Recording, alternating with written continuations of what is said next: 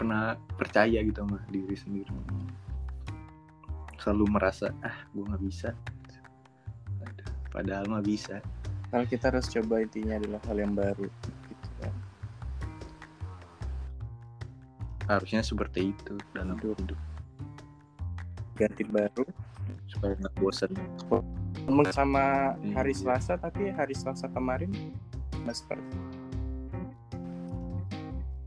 itu dia cocok btw nih kita kita baru nih guys. Oke guys. Tai tai. Iya guys lagi. Ngeplok apa ngeplok apa lu? Ngeplok. Iya, sih bingung kita kita nih mau ngobrolin apa. Awalnya begini lah. Nggak apa-apa. Kenalan aja dulu lah. kenalin nama nama perkenalan dulu kali ya. Ya ini ada iya. silakan diperkenalkan nama anda. Nah nama gue Aldi. Biasa dipanggil. Ah iya. Aldi. Terserah panggil apa sih gue nengok kalau dipanggil. Nggak sombong gue gue nggak sombong. Kan ada tuh orang kalau dipanggil nggak nengok. Maksudnya nama samaran nama alias gitu ada nama akrab biasa dipanggilnya nah, full Aldi atau Al atau Di kalau temen-temen Chris. kuliah gue sih Mas. manggilnya Mas Mas iya. kalau nggak Mas. Japran lu kayak film-film banget. kalau aing aing dari Bandung Oh, ente ah salah ya ya kok Bandung lagi kuliah S2 oh gitu ya. Beda dialog. Di Jerman deh. Oh enggak beda beda itu bukan Oh, pemerannya gitu, ada. Eh, sebenarnya Nathan enak dipanggil Summer kebiasaan dipanggil Summer. Kayak enak gitu. Summer. Saya pakai ayo Nathan aja. Nathan aja udah Nathan. Kalau panggilan akrab tuh biasanya dipanggil say- sayang. Khusus cewek khusus cewek kalau dipanggil kalau cowok nggak boleh. nggak boleh. Nggak boleh. Ya kan? Kalau cowok takutnya jadi ada ada yang nggak baik aja gitu loh jadi persamaan itu tidak selalu menjadi hal yang baik gitu. jadi perbedaan justru bisa saling melengkapi ini emang apalagi? Gue masih kuliah. Kuliah. Udah udah udah semester 2 udah dua digit. Dua digit. Iya dua digit saya. Nggak perlu tahu lah ya berapa. Kalau nabung itu dari awal masuk kuliah seribu mungkin kebeli Pajero Dakar. Beli enggak lah balik ya spionnya lah spion. Oh enggak ban-ban dia Iya, tapi iya, ban iya. yang custom ban yang custom. Ya, ukuran ini Iya. apa? Eh, ban-ban iya ban-ban yang ring sepeda gitu kecil. Kan motor kan banyak tuh motor res eh, apa? Iya. ban racing kalau ini ban ban cacing ban cacing ya maksudnya ban cacing. Kebayar lah bulan Iya. madu ke Maldives kalau dihitung-hitung mah. kalau dari awal gue kuliah sampai sekarang berarti berjasa berjasa sekali anda Pengeluaran. eh, untuk pengeluaran orang tua selama ini ya supaya kan ada seimbang gitu antara pendapatan sama pengeluaran saya itu bagian menyimpang ada yang bagiannya mencari ada yang bagiannya membagi ya kan? iya itu betul sekali karena kan pendidikan nomor satu jadi kita harus memberi terus Iya, pada iya. pendidikan di Indonesia. Ngomongin soal pendidikan memang pendidikan di Indonesia ini eh, semasa pandemi jadi mau jadi perhatian juga ya. Di, di- kelihatan bobroknya sih iya. kalau menurut gue ya mungkin di masih banyak banyak daerah yang belum ter terekspor misalnya kayak internet lah maksudnya nggak belum sampai ke daerah-daerah. Nah ini kan eh, jadi perdebatan juga tuh dengan adanya apa penerapan tidak diberlakukan kayak berangkat ke sekolah alhasil banyak orang yang tadi benar uh, harus internet terus harus uh, nonton TV lah sekarang nggak terlalu ya internet hmm. daring ya nggak terlalu selalu daring tapi akhirnya bisa nonton juga. Tapi kalau dipikir-pikir menurut lu gimana tuh? Apakah itu adalah opsi yang paling tepat? Dari gini deh kita ngomonginnya bukan yang paling tepat lebih ke apa sih menurut lu plus minusnya? Kebijakan yang udah diterapkan untuk pendidikan ya kalau dari gua dari pandemi ini kita belajar kalau kita nggak bisa sama ratain semua ada daerah-daerah yang perlu perlakuan khusus. Karena tertinggal memang benar-benar tertinggal belum terjamah sama sekali. Bahkan nama listrik pun mereka masih hmm. terbatas kan. Ada beberapa daerah yang masih sampai jam 6 maksudnya listriknya cuma nyala sampai jam 6 sore dari pagi jam 6 pagi sampai jam 6 sore doang. Kenapa itu? Dia itu seharusnya jadi pelajaran buat pemimpin kita untuk ngambil kebijakan. Jatuhnya jatuhnya ini yang sulit adalah ketika jadi perdebatan gitu. Maksudnya mungkin ada beberapa yang saya jadi tepuk rata mungkin ya. Ini kan jadi ada plus minusnya maksudnya gini. Mm -hmm. mungkin kalau di daerah-daerah pedalaman masa sih kena corona make sense gak sih? Kayak kayak ada beberapa wilayah yang memang tidak terjamah gitu. Akses misalnya kurangnya minimnya iya. akses transport transport transportasi ke sana kayak gitu Masih. atau ya banyak hal gitu loh. Namun ya tidak. Jadi bukan dijadikan skala nasional gitu. Kalau memang kebijakan itu jadi jangan dirata dilihat dari segi misalnya Jakarta memang mumpuni untuk melakukan kebijakan tersebut ya dilakukan atau daerah-daerah kota besar namun ya disayangkan apabila orang-orang yeah. yang sebenarnya apa di pedalaman harus nyari sinyal tinggi-tinggi untuk mengakses pendidikan yeah. berskala nasional. Mereka ke sekolah udah susah, dibikin susah lagi nyari-nyari internet aja. Belum tentu juga kurikulumnya juga dapat diterima kayak gitu kan kurikulum belum merata juga kan.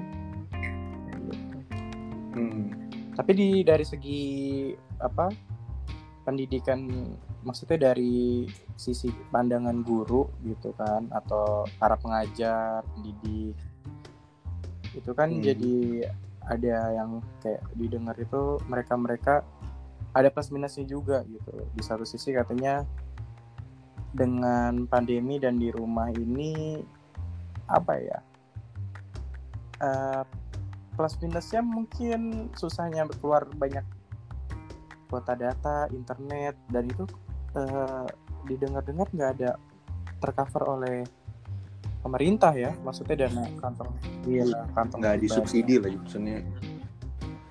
Hmm. harusnya menurut gue pemerintah juga ngasih bantuan itu bukan cuma sekedar tembakau doang. Hmm. karena itu yang diperlukan juga kan karena bayar bagaimanapun semua orang lagi kesulitan ekonomi. Iya, iya. Apalagi kalau guru honorer juga gitu kan kalau dipikir-pikir. Iya. Tapi gue pernah baca tuh pernah lihat di Twitter apa gimana ada memang guru-guru honorer itu inisiatif gitu. Karena dia tahu di daerahnya belum terjamah internet jadi dia nyamperin anaknya satu-satu oh iya, iya, iya. buat ngajar. Keren banget sih keren juga sih maksudnya orang gitu ya kayak gitu-gitu ya harusnya mesti dibantu lebih dilihat makanya gitu. sebenarnya dana dana yang dana yang ada sebenarnya mungkin untuk pendidikan itu cukup kali ya cuma memang uh, jadi perhatian juga setiap dana-dana operasional itu dibuat sekolah itu bukan menjadi hal yang merata apa ya, kayak diratakan jadi kayak itu ada dia. yang menurut gua ngasih bantuan itu lebih baik uang tunai daripada lu beliin alat yang akhirnya nggak bakal pakai karena nggak memang nggak bisa itu pakai kayak lu mau kasih komputer di daerah terpelosok juga. Maksudnya buat apa? Lebih baik ngasih hal-hal yang lebih apa sih? Yang lebih memang hmm. mereka butuhin. Bukannya gue mau mendiskreditkan orang-orang pelosok tuh nggak bakal tak harus ngerti internet tapi maksudnya mereka lebih butuh yeah. hal lain dan kurang lebihnya mungkin uh, kita melihat dari segi apa ya mereka juga kebutuhan itu nggak sesuai dengan apa yang kita prediksi gitu kan iya kan kebutuhan di Iya. kota beda dengan kebutuhan mungkin di itu jadi jadi acuan juga seharusnya nggak diterapkan ke seluruh lah intinya gitu seluruh skup lingkungan pendidikan Iya. bagi-bagi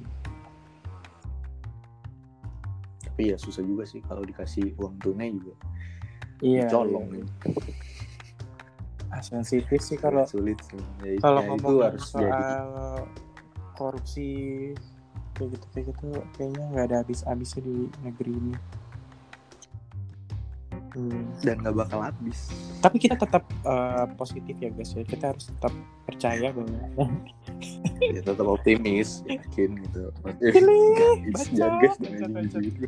biasa kan kalau jadi penyiar kita harus penuh Iya. antusias. Nggak usah terlalu didengerin nih kita berdua ngomong ini Iya. memang ngomong kosong semua. Sepaham aja. Kita nggak nggak boleh pesimis. Kita harus tetap optimis bahwa Indonesia akan menjadi negara maju dan negara yang berdikari berdiri sendiri. Amin. Terus kalau dipikir-pikir lagi kita berarti ya ngomongin dilema yang terjadi sekarang kali ya. tapi ya udahlah itu udah urusan negara juga. Kadang hal-hal yang yang menjadi pergunjingan iyalah ya enggak sih? Kayak kita tuh terlalu mikirin negara tapi atasan kita nggak terlalu mikirin negara iya ya, semacam hal kayak gitu. Ya iya.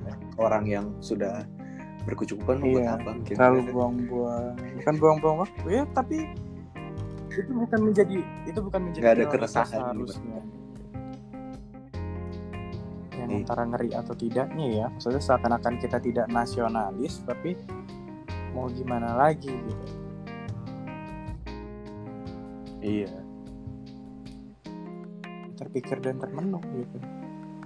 Maju kena mundur kena kalau bahasa filmnya Warkop. Warkop JKT 48 ah bukan ya DKI DKI bukan JKT Warkop JKT kasian juga loh kalau dipikir-pikir ngomongin JKT 48 semenjak pandemi ini nggak ada teaternya tutup iya teaternya tutup ya gitu kan.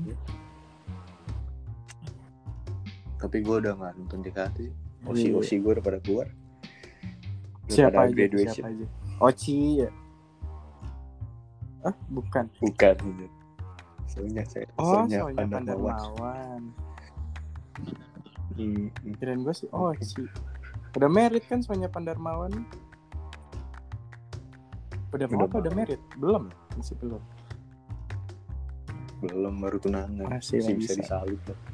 Eh jangan ntar lu cepet gila gitu Lu aja di like dia sastro aja senengnya minta ampun oh iya juga ya bener. Ada di sebuah kitab suci yang yang kita anut ya, bahwa hal yang terlalu berlebihan itu tidak baik. iya. Iya, semua itu ada porsinya. Gitu. Lu cukup menjadi fans aja. terus kalau semua hal kita capai mah nggak tahu bersyukur ntar Tapi hidup lu emang gak bersyukur kali kan?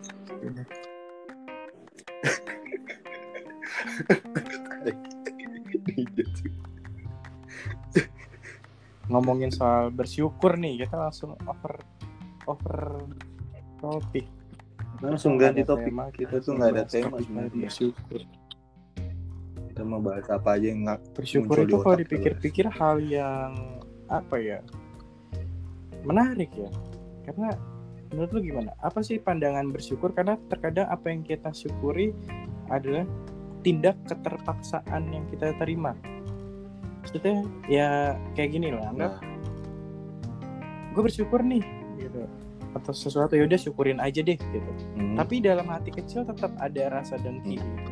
Jadi totali kata bersyukur iya nggak ikhlas gitu Jadi menurut yang gimana sih? Apa sih tips-tips kepada kaula-kaula bangsa-bangsa lainnya soal Enggak, kita tuh terlalu terbiasa bersyukur karena membandingkan eh, kondisi kita dengan yang lebih memprihatinkan. Maksudnya kayak contohnya "Lu bersyukur lu ada dapat kerja, lu lihat kan di jalanan masih orang ada orang pengemis, ngamen.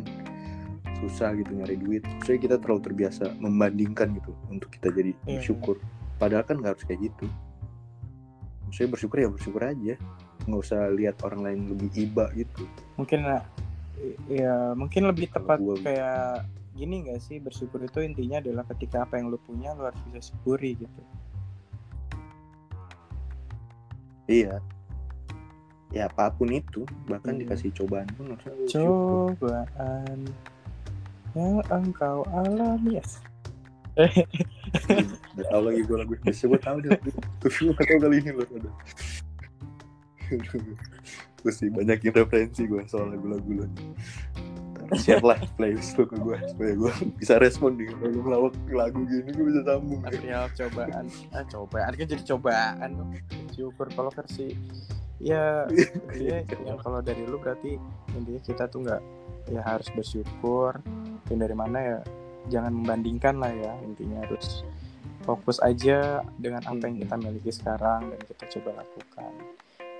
Ya menurutku juga ya gue setuju untuk hal tersebut. Dan mungkin sebagai tambahannya selain kita menerima apa yang ada kita juga harus mencoba untuk mengasah apa yang kita punya gitu. Terkadang kita tuh di titik di mana Iya. Kita memiliki pisau tapi kita nggak tahu kegunaan pisau itu untuk apa gitu. Sebelum kita coba kita kita berani mencoba intinya gitu. Entah itu hasilnya Hmm. apa ya baru dasarnya itu. Dan bersyukur itu sama kayak harus ada maksudnya bukan sama kayak harus ada yang namanya itu rasa ikhlas kayak gitu. Karena percuma kalau kita bilang bersyukur tapi di hatinya nggak ikhlas ya sama aja gitu Itu aja bohong Mendingan lu sekalian gak usah bersyukur Kalau menurut gue gitu Gak usah maksain bersyukur. Hal-hal yang gak lu betul betul. ikhlasin. Akhirnya kadang kalau gue mikir soal bersyukur gitu kan pernah gak sih lo bayangin gitu kan? Eh, kayak orang misalnya putus cinta gitu kan. Ya ngomongin soal putus Mhm. cinta nih Bagus banget bridgingnya emang Emang lu terbaik. Udah bisa lu ngelamar di Prambors ini kayak gini kalau wawancara-wawancaranya ngomongin soal putus cinta sangat nyambung juga soal bersyukur men. Kadang gini loh kadang kita putus cinta Oh, kita bener. cuma lihat Bisa, dari bisa, segi bisa, di mana setuju. kita menderita gitu. Padahal di balik putus cinta itu bisa saja kita ada makna Hmm. di balik itu semua sehingga apa yang ada menjadi juara di akhirnya Iya. Dan seterusnya kita belajar dari kehilangan Aduh. Kalau kita bisa bahagia tanpa dia gitu. Dari hal yang tadinya berdua Oh, Ternyata bisa kok kalau tanpa dia gitu.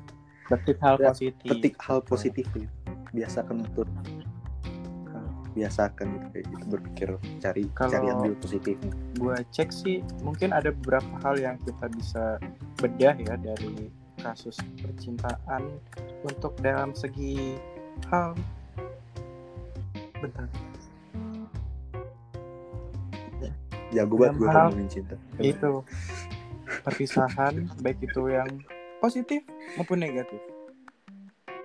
Kita coba bahas Hmm. eh, mungkin story-story mengenai putus cinta dulu kali ya. Yang yang negatifnya dulu. Mungkin kayak pengalaman-pengalaman. Mungkin bapak memiliki pengalaman apa waktu yang paling ter apa ya apa apa yang kayak udah putus nih kayak ya udahlah mungkin emang udah gitu. Tapi adakah mungkin kayak dramanya kayak galau-galaunya atau apa? Ini kan dari segi negatifnya dulu gitu. Nanti kita akan bahas yang positifnya. Kalau dari gue sih bukan terakhir kali yang gue rasain bukan soal putus bagaimana kekecewaan gue sampai ya waduh. Sampai mabuk. Waduh. Minuman emang. minum kan emang miras. Gitu. Gimana? gimana? Ya bener sih minum ini. Ya sebenarnya ya gue bukan yang mau bilang alkohol itu nggak boleh tapi lu minumnya dengan alasan apa yang kadang orang salah maksudnya kenapa lu kalau sakit hati iya, iya. lari ke situ itu efeknya sih itu yang paling parah sih ini nggak pernah rasain lagi sih yang Waduh. itu doang paling parah Waduh. kira-kira story storynya story storynya nih Cuma jadi tidak perlu di-open. apa sih yang membuat uh, titik di mana lu bisa jadi kayak gitu gitu pasti kan ada maksud gitu kadang uh, ada story storynya yang mungkin uh, sama yang bisa dibagi kepada sobat-sobat rakyat dan juga para para karyawan-karyawan lainnya. Ada bodo amat? Siapa lah itu yang dengar ya ada seluruh umat manusia. dunia. apa ya? Storynya gimana ya? Ya karena biasalah manusia. Terlalu berharap kepada manusia lain jadi ketika harapan itu tidak sesuai malah Oh, Kayak gitu. padahal mah harusnya kita bisa menerima Iya iya iya. kita nggak bisa paksain juga maksudnya orang harus ngikutin apa yang ada di ya yang Ini jadi bapak harapan kita apa nih soal soal wanita atau soal Oh soal wanita. ya soal wanita lah kalau yang lain nggak pernah Dan kecewa. wanita doang saya yang bisa memang bang satu wanita wanita eh enggak tidak bercanda saya nanti saya jadi masalah ini Enggak, itu sebenarnya bagus superior mereka itu eh, tanpa laki-laki makanya banyak istilah di balik laki-laki hebat ada wanita hebat di belakangnya. Padahal bisa jadi. Bener. banyak contoh Nah intinya gitu. Ya teman ya mungkin ya karena ekspektasi terlalu tinggi ya kan kita jadi berasumsi banyak hal berharap terlalu tinggi tapi akhirnya kita melupakan apa yang dinamakan realita itu sendiri. itu dia kita buta sama Ya. realitas akhir kayak Nah itu ya, kan dari segi negatifnya ya. Mungkin dari segi negatifnya juga bisa ditambahin juga ya. Kalau kita habis putus kayak gitu. Patah hati selain dari Hmm. nah bapak pengalaman gimana coba? Pengalaman Lu saya tahu. sih jatuhnya mungkin banyak yang garis benang merahnya aja mungkin yang diambil adalah yang saya belajar segi negatifnya. Eh dari segi negatif tuh kadang kita terlalu berekspektasi terlalu tinggi. Kadang eh, segi negatifnya juga kita terlalu eh, fokus untuk menjadi apa yang kita mau aja gitu kita nggak mau belajar untuk eh, Hmm. menerima orang lain. Kadang-kadang kan ya kayak gitu kan Nah, dalam perpecahan sebuah hubungan ya ya kayak gitu kita bukan saling bisa membangun, saling bisa saling mengerti, saling melengkapi, tapi jatuhnya ketika kita sudah mulai memaksakan dengan kayak misalnya nih cemburu lah kayak gitu kan cemburu itu terkadang membuat hidup kita jadi apa ya kurang Hmm. lebihnya jadi bukan diri kita gitu loh padahal segala sesuatu yang dinamakan cinta ketulusan adalah Iya, tidak iya. tidak ada paksaan gitu kan tulus itu tidak ada paksaan intinya gitu jadi kalau kamu memang Hmm. cinta sama dia ya itu tadi tapi kan ya itu dari segi negatifnya hal yang salah dari sebuah hubungan adalah ketika terlalu posesif terlalu ya ngekang juga posesif ngekang sama ya, mengikat kayak gitu. Jadi buat kalian-kalian yang mungkin dalam fase mengekang tanpa disadari mungkin ketika oh kayaknya eh, ya wajar dong namanya gue cowoknya wajar dong namanya gue ceweknya gue cemburu dan apa segala macam tapi yakinlah tanpa itu pun namanya hubungan dapat bertahan karena itu terlihat dari apa? Komitmen masing-masing pasangan untuk bisa saling menjaga hubungan tersebut. Itu dari Iya. segi negatifnya yang nggak nggak boleh nih kalian kalian lakukan gitu. Negatif. kalau misalnya berhubungan ya join join lah toksik toksik cemburu lah. Ya, sampai ada bahkan sampai kekerasan fisik kayak gitu kan. Ya, itu yang kadang acap kali kekerasan fisik misalnya di tepok-tepok lah bagian apanya gitu kan. Itu kan tidak baik Oke next next. Yaudah, segi lanjut. yang positif. Aduh, sorry sorry. Positif itu apa? Kira-kira iya positif. Oh gue jadi bisa berintrospeksi terhadap diri sendiri. Maksudnya gue jadi lebih berkaca jadi bisa apa sih? Jadi bisa lebih mengenal gitu kan. Kadang kan dengan kes, kita galau akhirnya menyendiri kan. Nah dari menyendiri itu kadang gue nemuin hal-hal baru dalam diri gue yang selama ini belum gue ketahui dan belum bisa apa belum ada hal yang Oke. harusnya bisa gue kembangkan lagi gitu. Itu kan jadinya Itu eh, kayak lo akhirnya bisa memfokuskan diri lo lebih fokus untuk diri lo sendiri gitu kan. Nah dari segi mungkin Iya, kayak nah. ada ya apalagi selain itu mungkin lo rasain yang lo dapetin. Selain eh, effort buat eh, lo sendiri gitu. Jadi kan lo bisa ngoreksi diri mungkin ada lagi. Kalau gue sih kadang mikirnya ya apa ya ya gue jadi lebih sadar. Iya. bisa masih banyak hal yang bisa dibahagiain. Eh, Nggak cuma itu doang so, hidup tuh luas banget. Banyak hal yang hanya dia doang bahagia. gitu ya. iya. Iya, tapi sekarang kan masih banyak ikan di laut. cemar ya. tapi udah mulai tercemar nih sih laut kita ini Jadi gue pernah baca, eh, pernah lihat postingan orang Hmm. Bandung tuh dia kayak ngasih postingan bahwa laut kita tuh rata-rata ikan-ikannya sudah Hmm. mulai hampir semuanya malah kayak gitu loh. Eh, sudah ada kandungan, kandungan. Ya, Kayak saya pernah gitu. lihat juga itu Hmm, hmm.